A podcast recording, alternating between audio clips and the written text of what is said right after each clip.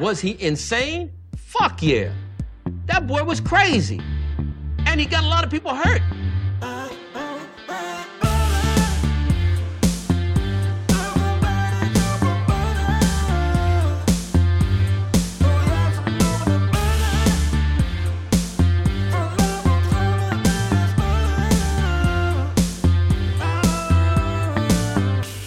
He doesn't like butter. I fucking love butter. I fucking love it. What's up, motherfuckers? Welkom bij een nieuwe aflevering van de Zonde van Je Tijd podcast. De podcast waarin ik niet alleen mijn eigen tijd, maar ook uw hele kostbare tijd ga verdoen met absoluut eh, te onzin. Ik hoop dat deze podcast u uiteraard treft in een goede gezondheid. Het is vandaag 15 maart. Kennelijk is het dus de dag vandaag dat er gestemd moet gaan worden. Dus mensen, iedereen die gaat stemmen, shisma, want het maakt toch allemaal geen ene moer uit. Het is fucking bizar. Deze shit gaat over waterschappen en de provincies. En dan hebben ze het op televisie over asiel, immigratie, de stikstof en weet ik veel wat allemaal. En de gezichten die je ziet zijn de mensen uit de landelijke politiek, de, mensen uit het kabinet waar iedereen een hekel aan heeft. En de mensen uit de, eh, de fractievoorzitters waar niemand meer vertrouwen in heeft. Dus hoe de fuck wil je dat er heel veel mensen gaan komen opdagen om te stemmen, terwijl je dan de gezichten laat zien van mensen waar bijna iedereen een afkeer aan heeft? Daarom gaat er ook niemand stemmen vandaag. Ik niet in ieder geval. Ik heb die stempels al gelijk de raam uitgegooid. Ik hoef die hele fucking bullshit niet. Want zoals iedereen al kan weten, eh, ik heb een hekel aan overheid. Fuck de overheid. Piep, piep. Dus daarom op de voorpagina van het Leidse Dagblad van 15 maart 2023. Uh, daar bestaan Mark Rutte op een fiets die met op de achtergrond blauwe, wit, rode vlaggen van de buren. Eh, maar we gaan verder. Vicevoorzitter van Minerva stapt op na handgemeen. Nou, Minerva, voor de mensen die niet uit Leiden komen. Minerva is de Illuminati, maar dan uh, is de Illuminati van Nederland. En dat uh, bevindt zich hier in Nederland, in, in Leiden kennelijk. Vicevoorzitter Pelle van Langeveld van studentenvereniging Minerva heeft zijn functie neergelegd. Hij liet een ander lid struikelen en sloeg hem twee keer in het gezicht bij ruzie om het pikken van een schildje van de club. Ja, dat is crazy. OM vervolgt kopstukken The Voice. Zedenzaak tegen Ali B en Jeroen Rietbergen. Dat was het nieuws van gisteren. Wat vet dat ze het dan de kopstukken van The Voice noemen. De enige echte kopstuk daar is natuurlijk gewoon John de Mol die het allemaal heeft laten gebeuren. Ja, en dit is gewoon zijn uh, schoonbroer en zijn, uh, zijn troetelmarokkaantje. Het Openbaar Ministerie gaat de rapper Ali B en bandleider Jeroen Rietbergen vervolgen voor meerdere zedenzaken rond televisieprogramma The Voice of Holland. Het onderzoek tegen Marco Bossato rond The Voice wordt bij gebrek aan bewijs geseponeerd. Eerder is al een zaak naar een betrokken regisseur van The Voice geseponeerd. Ja, die shit is moeilijk te bewijzen allemaal. Ruim een jaar na de aflevering van Boos over misstanden bij The Voice of Holland is er duidelijkheid over de vervolging van bandleider Jeroen Rietbergen en Ali B. Met twee prominenten in het offici officiële beklaagdebankje lijkt de terugkeer van de populaire talenten jacht verder weg dan ooit. Luister eens, als John de Mol geld, geld ruikt, dan komt, dan komt het gewoon terug. Zolang deze zaak loopt, komt The Voice niet terug, zegt mediakenner en oud-SBS-baas Tina Nijkamp. Zelfs, daar kan het nog, zelfs daarna kan het nog heel lang duren. Ik kijk al 40 jaar tv. Nooit is er in de geschiedenis van de televisie zo'n vergelijkbaar groot tv-schandaal geweest. Het was een mega-hit voor RTL voordat de roet in het eten werd gegooid toen het gedrag van coaches Ali B, Marco Borsato, bandleider Jeroen Rietbergen en regisseur Martijn en, jezus wat een lange lijst aan namen, begin vorig jaar op straat kwam te liggen. Tegen Marco Borsato loopt enkel nog een zedenzaak die niet gerelateerd is aan The Voice. Oké, dit is de pedofiele zaak, die loopt al door. Jezus, Marco Borsato, wie had dat ooit gedaan? Als je tien jaar geleden, tien jaar geleden Marco Borsato die voor, voor zit, dat wordt... Uh, er loopt een strafzaak tegen Marco Borsato in verband met de zedenzaak. Iedereen zou je voor gek verklaren. Marco Borsato was de ideale... Luister, hoe idealer iemand lijkt... Hoe squeaky clean iemand ook lijkt... Hoe, hoe, hoe, hoe meer skeletons die in zijn, uh, in zijn kast heeft. Hoe, hoe, dat is ook zo. Hoe, hoe idealer iemand... Hoe, um, uh, hoe moet ik het uh, verantwoorden? Hoe, ide hoe hoe onbespreekbaar iemand lijkt, hoe, meer, hoe, hoe, volmaakter iemand lijkt, hoe meer ik die persoon niet vertrouw. Vooral in de media en de politiek en dat soort shit. Nederland belooft Oekraïne mijnenjagers voor na de oorlog. Weet je, Marokko heeft uh, in, uh, toen de oorlog in Irak in 2005 volgens mij, toen had Marokko ook mijnenjagers naar Irak gestuurd. Namelijk apen. no, dit is serieus verhaal. Drone VS stort neer na botsing met Russen. Ja, daar heb ik net, dus net een filmpje gezien. Dus er vloog dus kennelijk een drone over de, uh, over, de, over de Zwarte Zee, volgens mij. En toen zagen twee uh, Russische straaljagers, zagen die. Dan gingen ze hem even, even dat, uh, intimideren, erachteraan lopen. Toen heeft de andere heeft hij een tikje gegeven. Takken, toen viel die andere in de, in, de, in, in de Zwarte Zee. De Amerikanen zeggen dat ze hem zelf hadden uitgeschakeld. De Russen zeggen weer van niet. Maar de, Russen zeggen, de Amerikanen zeggen dat het geen spionagevlucht was. Maar dat hij uh, gewoon aan het uh, vliegen was op internationale wateren. Maar uiteraard is het een spionagevlucht. Want wat de fuck doet een drone daar anders? Die, tuurlijk, of die gaat iets bombarderen, of die gaat iets bespioneren. En natuurlijk zat hij boven Crimea rond, boven het Krim rond te hangen. Het Amerikaanse leger heeft een drone laten neerstorten in de Zwarte Zee na een botsing met de Russische gevechtsvliegtuigen in het internationale luchtruim.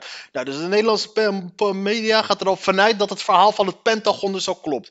Waarmee ik niet wil zeggen dat het verhaal van de Russen klopt, want die weet ik nog niet specifiek. Maar je kan niet alles blind aannemen wat de, wat de Amerikanen hebben gezegd. Volgens de Amerikaanse leger raakte de Russische Su-27 straaljager de propeller van de Amerikaanse Reaper drone. De onbemande drone zou tijdens een routineoperatie zijn onderschept door twee Russische straaljagers. Volgens het Amerikaanse leger werd brandstof gegoten over de drone vanuit de Russische toestellen en zouden de vliegtuigen op een roekeloze en onprofessionele manier voor de drone hebben gevlogen. Ze waren het gewoon aan de straat intimideren. En dat, en dat uh, die, die, op, op een maand spuugel, echt. Ze waren gewoon aan het testen. Hé, wat doe je hier? En toen ging ze... Een van de toestellen raakte uiteindelijk de drone die als verloren wordt beschouwd. Vanwege de schade zag het leger zich genoodzaakt de drone uit de lucht te halen. De Amerikaanse regering heeft de Russische ambassadeur ter verantwoording geroepen. Een woordvoerder van het Witte Huis zegt dat dergelijke onderscheppingen vaker voortkomen, maar dat een drone neerstort is uniek. Verder meldt, dat, meldt hij dat de president Joe Biden is gebriefd over het incident en dat het ministerie van Buitenlandse Zaken. En nu gebeurt er vrijwel niks interessants meer. Waterschapsverkiezingen is als de sporttoto. Ja, whatever. Nou, sporttoto is nog leuk. GroenLinks, grootste partij bij scholierenverkiezingen. Natuurlijk, want die hebben nog idealen. En daarna word je ouder en dan merk je op een gegeven moment uh, principes hebben, dat uh, principes hebben geld kost. En dan uh, ga je minder snel op een partij stemmen als GroenLinks. Politici voeren ondanks want ik kan me nog herinneren toen ik op de middelbare school was GroenLinks ook dat gruis. Rol van politieke satire is beperkt. VU-wetenschapper en onderzoeker Ellen Droog. En ik zie dan een, uh, op de foto zie ik een, een, foto van de Arjan Lubach. Ik heb nog geen enkele aflevering gezien van dit seizoen. De uitzending, de uitzending van de Arjan Lubach is. Oh, wacht, ik snap deze zin niet. De uitzending van Arjan Lubach afgelopen week. De mediapersoon van 2022 neemt het, het van 2022? Neemt het boerenprotest flink op de hak. Stem ze weg, klinkt het door Wilders en andere sprekers bij het protest in Den Haag. Lubach introduceert vervolgens een politicus met als achternaam Ze weg. Die zojuist groot, die juist een groot fan blijkt te zijn van Mark Rutte. Best grappig, maar gaan daardoor minder mensen stemmen op Wilders. Nee, de mensen die uh, geneigd zijn om te stemmen op Wilders, die kijken niet naar Lubach. Dus daar hoef, je, uh, daar hoef je geen onderzoek voor te doen. Droog heeft die uitzending nog niet gezien. De laatste weken heb ik eigenlijk niet meer gekeken, want dat voelde te veel als werk, zegt ze. De 27-jarige wetenschapper keek voor haar onderzoek honderden uren satirische programma's uit Nederland en de Verenigde Staten. Dus met andere woorden, uh, paar uur Lubach en de rest allemaal naar uh, Amerika. Ze onderzocht welke effecten items hadden in vergelijking met niet grappige filmpjes over dezelfde onderwerpen bij de NOS. Maar ja, of iets grappig is ja of nee is ook maar zeer relatief. Ik vond vroeger Seth Meyers vond ik best wel grappig, maar met de tijd werd hij steeds minder en minder grappig. De veronderstelling is dat satire veel effect kan hebben en soms heeft dat ook, stipt ze aan. Zoals de rel rond internetsite Rubach die geld binnenharkte met geplagieerde, geplagieerde teksten. Zogenaamd voor het Rode Kruis, zo stelde Lubach aan de kaak. De baas van Rubach stapte op, droog. Ja, de baas stapte op, maar hij is nog steeds eigenaar. Droog. We denken dat satire heel veel invloed heeft, maar als we kijken naar wetenschappelijk onderzoek en naar het onderzoek dat ik heb gedaan, dat is waar ze dus voornamelijk uh, wil dat we naar gaan kijken, eh, dan zien we dat niet zo duidelijk. Of misschien heb jij gewoon een heel slecht onderzoek gedaan. Moeten sommige partijen blij zijn dat Lubach live verkiezingsshow pas op de buis is nadat de stembussen gesloten zijn? Oké, die ga ik kijken vandaag. Veranderen kijkers hun stemgedrag door satirische programma's? Lastig te zeggen. Het zorgt ervoor dat kijkers het soms meer eens zijn met wat ze horen, maar ook het tegenovergestelde kan gebeuren. Het ligt aan het onderwerp. Over klimaatverandering maakt het niet zoveel uit, omdat veel mensen daar al een duidelijke mening over hebben. Maar het maakt ook uit of mensen die. Kijk, sowieso mensen die op Wilders en op Baudet stemmen en dat soort shit, die kijken sowieso al niet naar Lubach. Dus er kijkt sowieso een bepaalde slag mensen naar Lubach. Die het met hem eens zijn. Dus. Graal. Droog analyseerde hoe. Wat, ja, dat goede achternaam voor een wetenschapper. Zij droog. En dan ga je politieke satire onderzoeken. Onderzoeker droog. Ook fucked up naam voor een vrouw ook. Want het is een vrouw. Ellen Droog. Droog, droog, droog. Ellen Droog. Eh, waar was ik? Graal. Droog analyseert hoe emoties de opinie van kijkers kunnen veranderen na het kijken naar satirische fragmenten. Mensen worden er wel blijer van, maar soms ook minder hoopvol, waardoor ze het niet meer eens zijn met wat de satiricus zegt. Satire is dus geen heilige graal waardoor mensen ineens anders gaan stemmen. Het meeste effect van satire is bij minder sexy onderwerpen. Droog, zoals over het Oekraïne-referendum of een ingewikkelde handelsverdrag. Bij zulke onderwerpen kan satire wel veel invloed hebben. Dan kun je zo'n onderwerp op een grappige manier begrijpelijk maken. De onderzoekster ziet verschil tussen de satires. Oké, dit is ook, ja, ik ben het ook al. Bij Lubach is het journalistieke gehalte best groot. Die programma's lijken bij, kijkers van overtuigd zijn de programma's waar alleen maar grappen worden gemaakt. Satireraad. Zouden satirische programma's zich ook moeten verantwoorden zoals journalisten doen bij de Raad van Journalistiek of bij, of bij comedianten? Een raad voor satire? Droog? Nee, het lijkt me niet wenselijk. Het fijne van satire is dat alles gezegd mag worden, maar je meer dat je als journalist kan doen. Even kijken, wat hebben we hier? Veel besproken AI-bot ChatGPT blijkt linkse voorkeur te hebben. Chatbot ChatGPT dat op basis van kunstmatige intelligentie stukken kan schrijven, heeft de stellingen op de steminwijzer 2021 een linkse politieke voorkeur. Dat blijkt uit onderzoek van de Leidse masterstudent Merel van den Broek. Kijk, dat even wat onderzoeken. De student taalwetenschappen legde de stellingen uit de stemwijzer 2001 2021 voor aan de chatbox. Hieruit blijkt dat de bot het vaakst eens was met de SP, Denk en D66.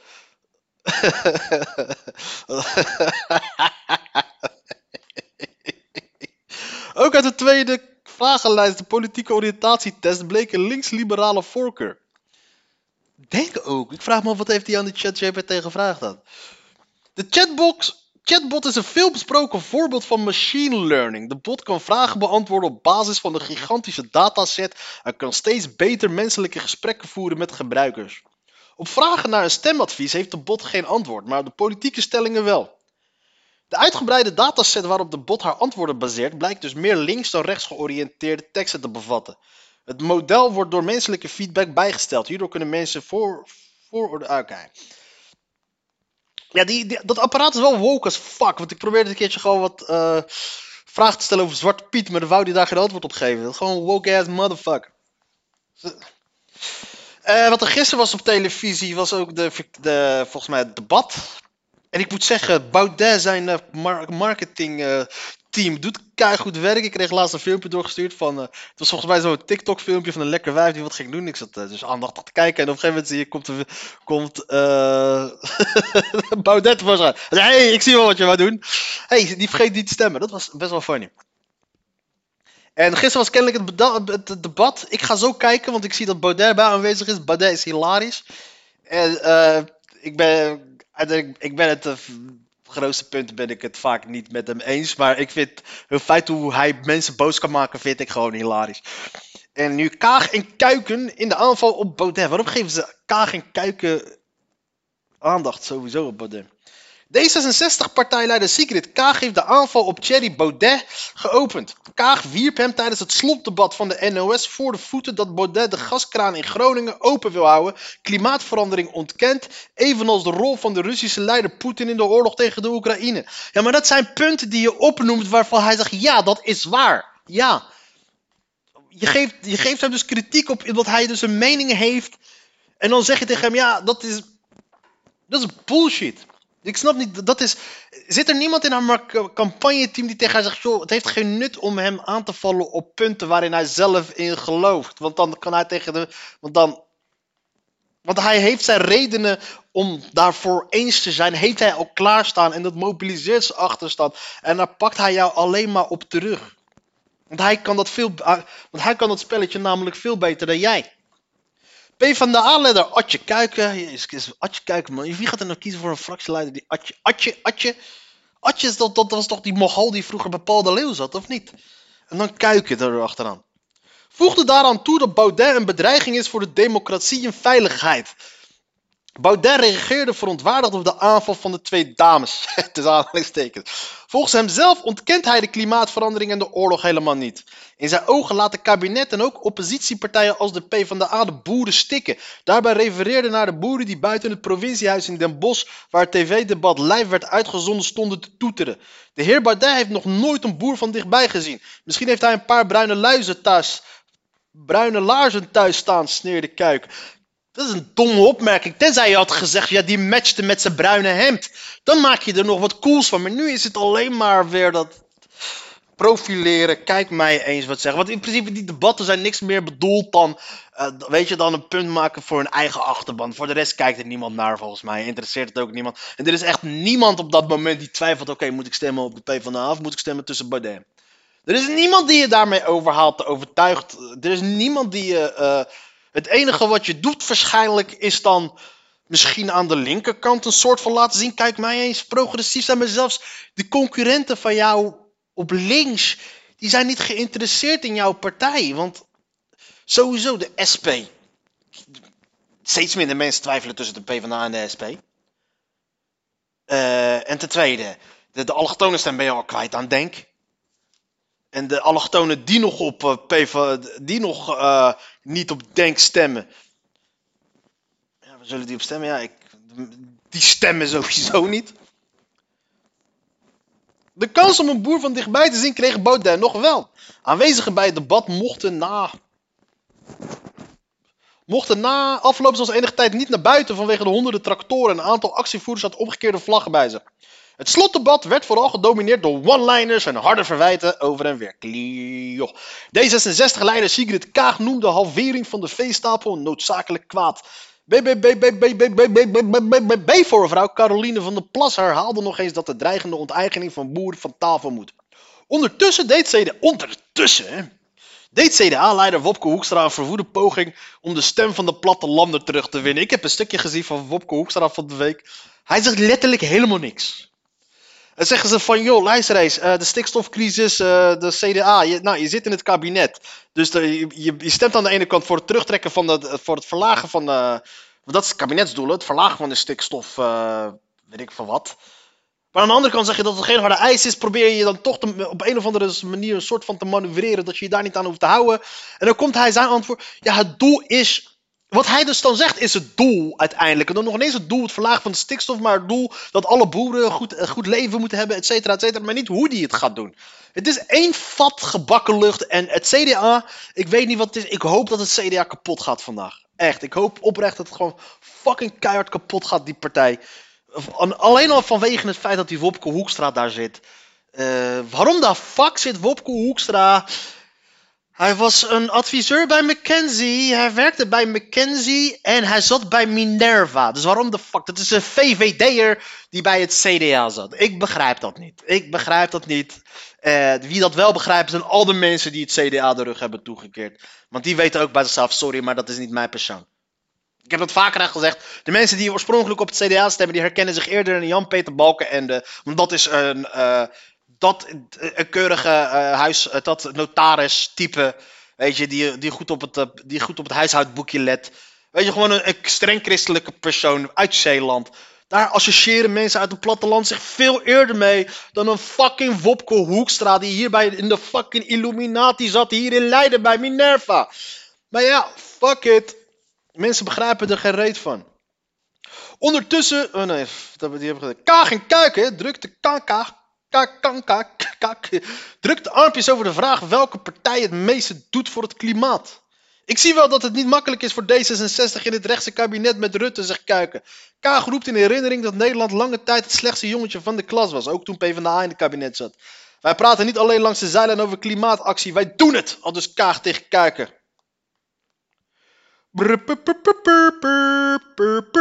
Ik ga toch even kijken, maar kennelijk is er vrij weinig spectaculairs gebeurd. Wie wel voor spektakel zorgt, zijn altijd uh, Wilders en, en Baudet, de, crazy motherfuckers. En Sylvana Simons. En Sylvana Simons sowieso. Want die weet ook mensen een beetje op te fokken. Drie maanden voorwaardelijk celstraf voor condoombedrog. Advocaten van Nabil B. leggen de verdediging neer. Ja, kennelijk waren die gasten dus ook bij uh, Khalid en gaan zitten om, om, om, om uh, wereldkundig te maken dat ze uh, de verdediging van Nabil B. de kroongetuigen in, de Marengo, in het Marengo-proces hebben neergelegd. Maar toen er werd gevraagd waarom konden ze dat niet zeggen. Dat was best wel grappig. D66 en BBBBBBB strijden op Twitter om de stikstof-emoties. ja, maar dat is dus wat er op de Twitter... Twitter is echt D66-territorium. Daar zitten al die, uh, al die woke... Al die woke motherfuckers die echt links willen zijn, maar niet ten koste van zichzelf. Ik mis dat oldschool links. De oldschool links. De, op de barricades links. Weet je, de, de, de, de, van de goot links. De arbeiders links. Nu is het, nu is eh, het, het links is nu meer het, het, het, het, op, op, uh, op, op,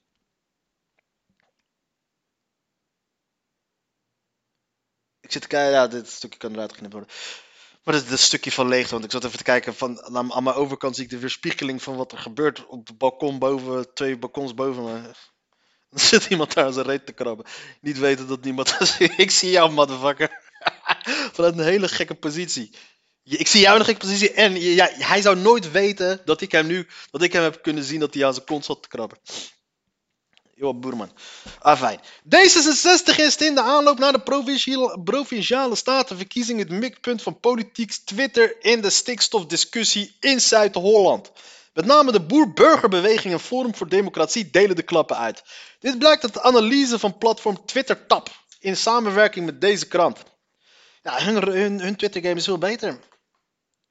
De eerste debatten op radio en televisie zijn geweest. Den Haag is overspoeld met demonstranten en ook in Brussel reden Nederlandse tractoren door de straten. De laatste twee weken voor de provinciale statenverkiezing is de. Het blijft gewoon een fucking saai onderwerp. Ah, fijn. Eh, omgevingswet eindelijk actief. Wat was de omgevingswet eigenlijk ook weer? De Eerste Kamer heeft ermee ingestemd dat de omgevingswet per 1 januari volgend jaar ingaat. Daarmee komt een einde aan het langslepende traject van de wet. Bij de hoofdelijke stemming. De omgevingswet is bedoeld om tientallen wetten en regels voor ruimtelijke ordening te bundelen, zodat het makkelijker wordt om bijvoorbeeld een bouwvergunning te krijgen. Oké, ik dacht iets met spionage. Ziekenhuizen vallen om zonder extra geld.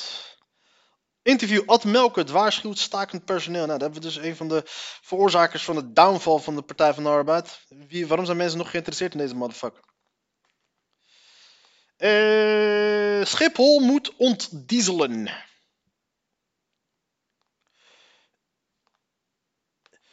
Kickboxer Overeem door Glory voor 12 maanden geschorst. Wat, wat bleek nou? Verrassend, verrassend, verrassend. Alistair Overeem die gebouwd is alsof die geboetseerd is uit klei. Wat, kennelijk had hij doping gebruikt. En is die laatste wedstrijd van Badr Hari, waar die, waar die zo hard knock-out heeft geslagen, dat Badr, dat helemaal vergeten was wie die was. is dat no contest geworden. Dat is goed nieuws voor Badr Hari.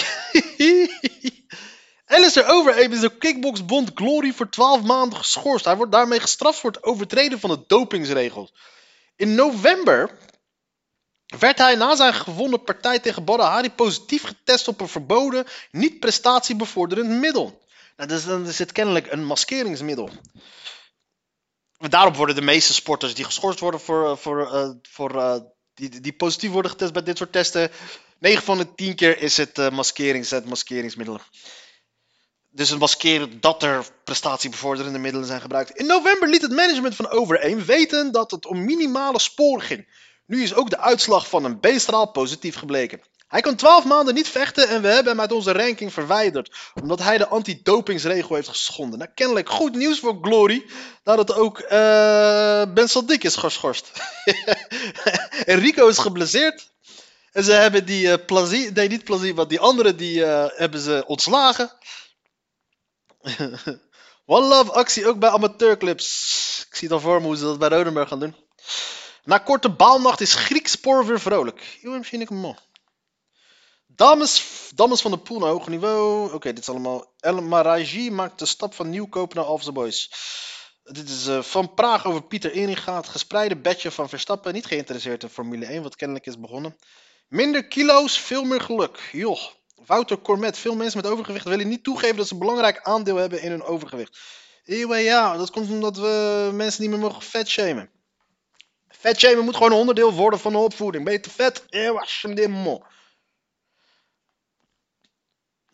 Snap je? En we moeten, als reactie op pestgedrag, moeten we zorgen dat mensen gaan kickboksen en van zichzelf gaan afbijten. Stel je voor, pesten dikke, dikke kinderen pesten omdat ze dik zijn. Eh pest ze en dan eh, vervolgens als eh, remedie tegen pesten voor het opbouwen van hun zelfvertrouwen gooien ze op kickboksen. En dan, geloof me, niemand pest ze meer en ze vallen af. Tenzij ze is een zwaargewicht worden, dan blijven ze, blijven ze zwaar en agressief. Fijn. Maar ze worden in ieder geval niet meer gepest. Oh, en wil 80.000 euro van Leidenaar wegens drugshandel. Oké. Het Openbaar Ministerie wil 52-jarige RC uit Leiden ruim 80.000 euro aan vermeende drugswinst afpakken.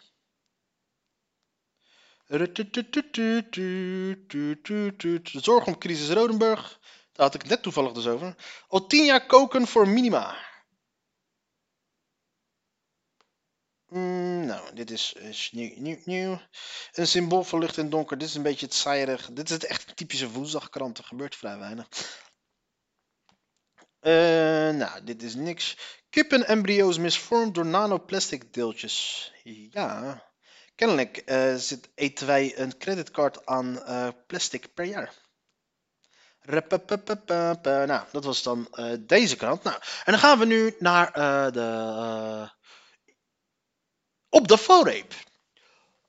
Op de valreep. Welkom dames en heren bij Op de valreep, de rubriek waarin wij het actuele nieuws, het meest actuele nieuws gaan behandelen. Want als één artikel uit van het meest actuele nieuws, aangezien de krant natuurlijk wordt gedrukt om drie uur s'nachts en het nu al twaalf uur later is, gebeurt er zoveel op deze wereld. En we gaan nu naar Twitter. Kijken wat er op eh, Twitter wordt gezegd. We gaan naar Search Twitter en dan gaan we kijken naar wat is er trending. Wat is er trending in Twitterland? Trending. Oh nee, dit is Twitter. Credit Suisse. Linkse wolk. FVD moet verboden worden. De F-16. Oké, ik ga weg uit Twitter, want ik irriteer me er al nu aan. Verkiezingsblog. Weer rustig op station stembureau. 1,3 miljoen kijkers voor slotdebat. Dus nou, dat zegt dus al hoeveel mensen er gaan stemmen. Eh, we gaan naar nu.nl. Dan gaan we kijken wat er het meest gelezen is. Durf te wedden de Voice of Holland. Meest gelezen Ali. Ja, dan, gaan we, dan nemen we gewoon de tweede. James Webb telescoop maakt zeldzame foto van een ster die bijna explodeert. Prachtige foto. Het is, ziet er allemaal altijd, al die foto's van de galaxies, daar hebben ze dan weer. Het ziet er allemaal heel erg getekend uit. Het ziet er allemaal surrealistisch uit, alsof het gewoon eh, gemaakt is op een computer of zo. Dus mensen moeten maar aannemen dat het daadwerkelijk het geval is. Dit lijkt gewoon op een anus, om eerlijk te zijn. Als je heel creatief ernaar kijkt.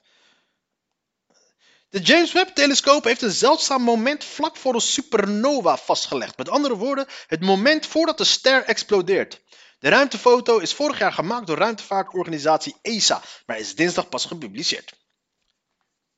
Ja, want dat is het dus, hè? Met als een ster explodeert. Wij komen er dus, eh, niet alleen zien we het later, maar kennelijk komen we er ook pas later achter.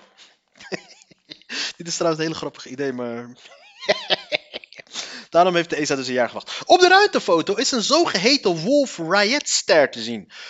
Zo noemen astronauten een ster in het laatste stadium van zijn leven. Niet alle sterren gaan dan door, gaan door deze fase, die bovendien maar kort duurt.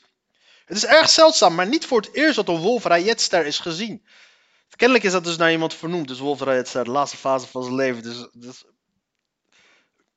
de laatste fase van je leven, als dat naar jou vernoemd is, heb jij die, heb jij, heb jij, heeft die persoon het voor het eerst eh, ontdekt? Of heeft hij daar voor het eerst eh, baanbrekend onderzoek naar gedaan? Of was die Wolf Rayet gewoon iemand die te lang door is gegaan aan het einde van zijn leven was. En toen dachten die mensen bij de ESA, weet je wat, we noemen het, we noemen het naar deze motherfucker. Ik hoop het laatste, want dat is veel grappiger. Maar ik denk het, het tweede. Wat op de foto te zien is, was ooit de kern van de ster. Wolf, ster. Weet je wat? Gaan opzoeken wie Wolf Rayet is. Wolf Rayet. Uh, Wolf Rayet Star.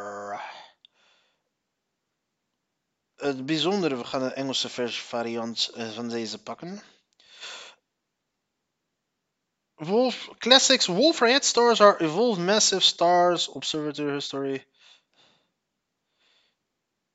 Yeah. In 1867, using the 40 centimeter Foucault telescope at the Paris Observatory, astronomers Charles Wolf and George Rayet discovered three stars in constellation Cygnus, HD 1970, bla bla bla. Oké, dus we zijn erachter wie Wolf Rayet is. Nou, dit is, uh, nou, dat was op de valreep.